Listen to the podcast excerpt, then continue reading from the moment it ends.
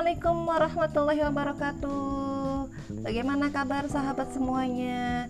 Di masa pandemi ini tentu juga kita jangan rebahan terus ya. Tapi ternyata dari rebahan saja bisa loh kita itu e, lebih produktif ya. Baik itu produktif itu tidak hanya dilihat dari sisi apa ya e, menghasilkan materi, tapi Anda juga bisa melakukan banyak aktivitas. Salah satunya ya dengan cara menulis atau kemudian membuat ya ini juga nih membuat podcast menyebarkan hal-hal yang baik dan juga ya bagi para terutama ya sahabat-sahabat semuanya yang merupakan eh, apa ya bisa dikatakan ibu rumah tangga ingin menambah eh, penghasilan eh, itu juga ya tidak hanya ibu rumah tangga ya bagi kalian yang masih sekolah masih kuliah itu juga bisa tuh eh, apa menambah penghasilan gitu ya. Nah, tapi kemudian yang terkadang sering lupa ketika kita memiliki penghasilan, tapi kita juga kurang bisa mengerem gitu ya. Apa keinginan kita terhadap barang-barang yang mungkin ya karena kita rebahan hanya dengan HP kita bisa mendapatkan banyak barang yang kita sukai akhirnya kita kurang mampu untuk bisa menabung. Nah kali ini saya akan sedikit e, berbagi tips gitu ya bagaimana sih kita bisa menabung yang mungkin puluhan ratusan juta gitu ya sebelum uh, usia Anda mungkin yang apa ya mendekati pensiun uh, yang itu dengan gaji pas-pasan gitu ya. Nah, tentu dengan gaji yang pas-pasan kan atau dengan penghasilan lah ya, pas-pasan tentu membuat semua hal terasa sulit terutama untuk menabung apalagi segala kebutuhan penting itu tidak bisa selalu terpenuhi. Namun sebenarnya asalkan kita pintar mengatur keuangan dengan baik walaupun dengan penghasilan yang pas-pasan atau mungkin bahkan tidak berpenghasilan ya e, mendapatkan nafkah dari suami, kita bisa kok mengumpulkan uang sampai ya puluhan, belasan, ratusan juta bahkan ya. Nah berikut ini nih ada beberapa cara menabung yang mungkin nanti kita nggak akan mengira eh, apa yang kita dapatkan. Ya walaupun dengan penghasilan yang kecil. Yang pertama adalah menabung di awal.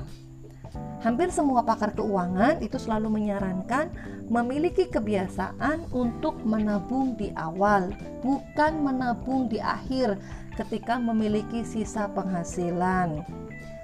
Jadi ketika kita mendapatkan penghasilan, pastikan langsung menyisihkan 10 sampai 30% ke dalam tabungan kita. Begitu pula setiap kali mendapatkan bonus atau THR atau apa pun itu ya, pastikan Anda langsung menyisihkan pendapatan Anda untuk ditabung. Nah, kemudian ini memang ya harus komitmen ya tidak bisa kemudian eh, apa ya asal lewat tapi memang harus dimulai dengan komitmen yang kuat. Yang kedua pisahkan antara tabungan dan uang jajan. Biar uang tabungan tidak terpakai terus menerus para ahli keuangan juga menyarankan untuk memiliki rekening yang berbeda atau ya Anda juga bisa uh, apa menyimpan gitu ya dengan memiliki beberapa rekening.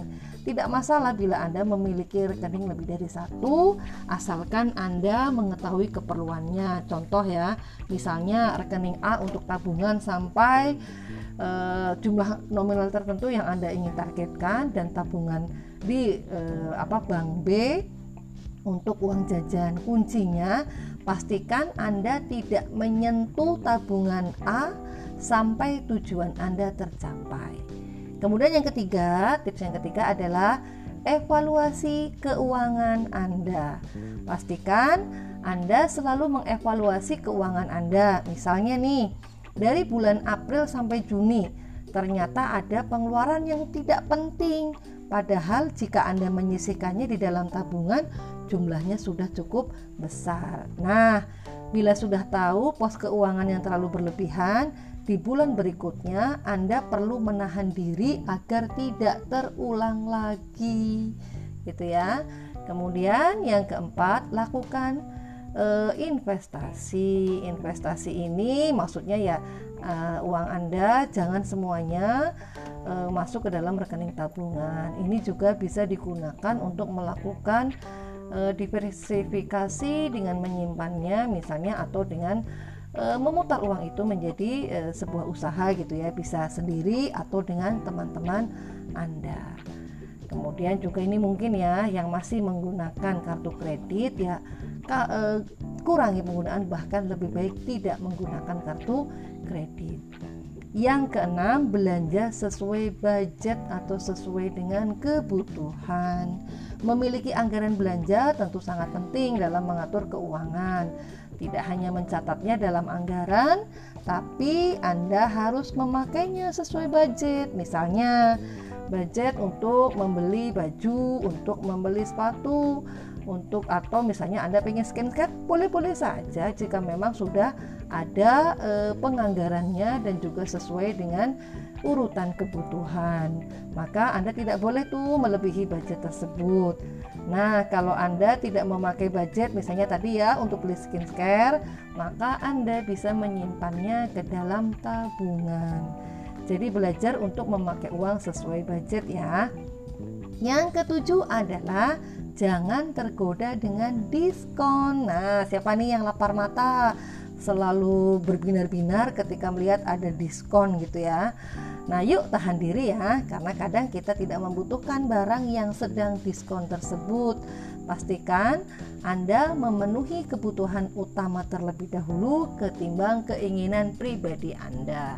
Itu beberapa tips ya yang mungkin bisa Anda praktekkan sekarang sedikit ingin saya ceritakan ya. Saya punya uh, apa? satu apa ya uh, pengalaman gitu ya. Bukan saya yang mengalami tapi saya uh, apa bertemu langsung dengan seseorang gitu ya yang mungkin kehidupannya sangat sederhana ya dengan suami mungkin yang bekerja harian gitu ya dan kemudian si istri membantu dengan berjualan di pasar dan dia itu selalu menyisihkan uh, dia punya uh, memang masih masih ini ya masih manual ya. Dia mempunyai satu kaleng besar gitu kan yang untuk menyimpan uang. Dan dia setiap hari selalu dia sisihkan antara 5.000 sampai 10.000 setiap pulang dagang. Kemudian dia juga memang betul sesuai dengan yang di sini nih padahal dia masih manual dan tidak terlalu banyak tahu tips mungkin ya.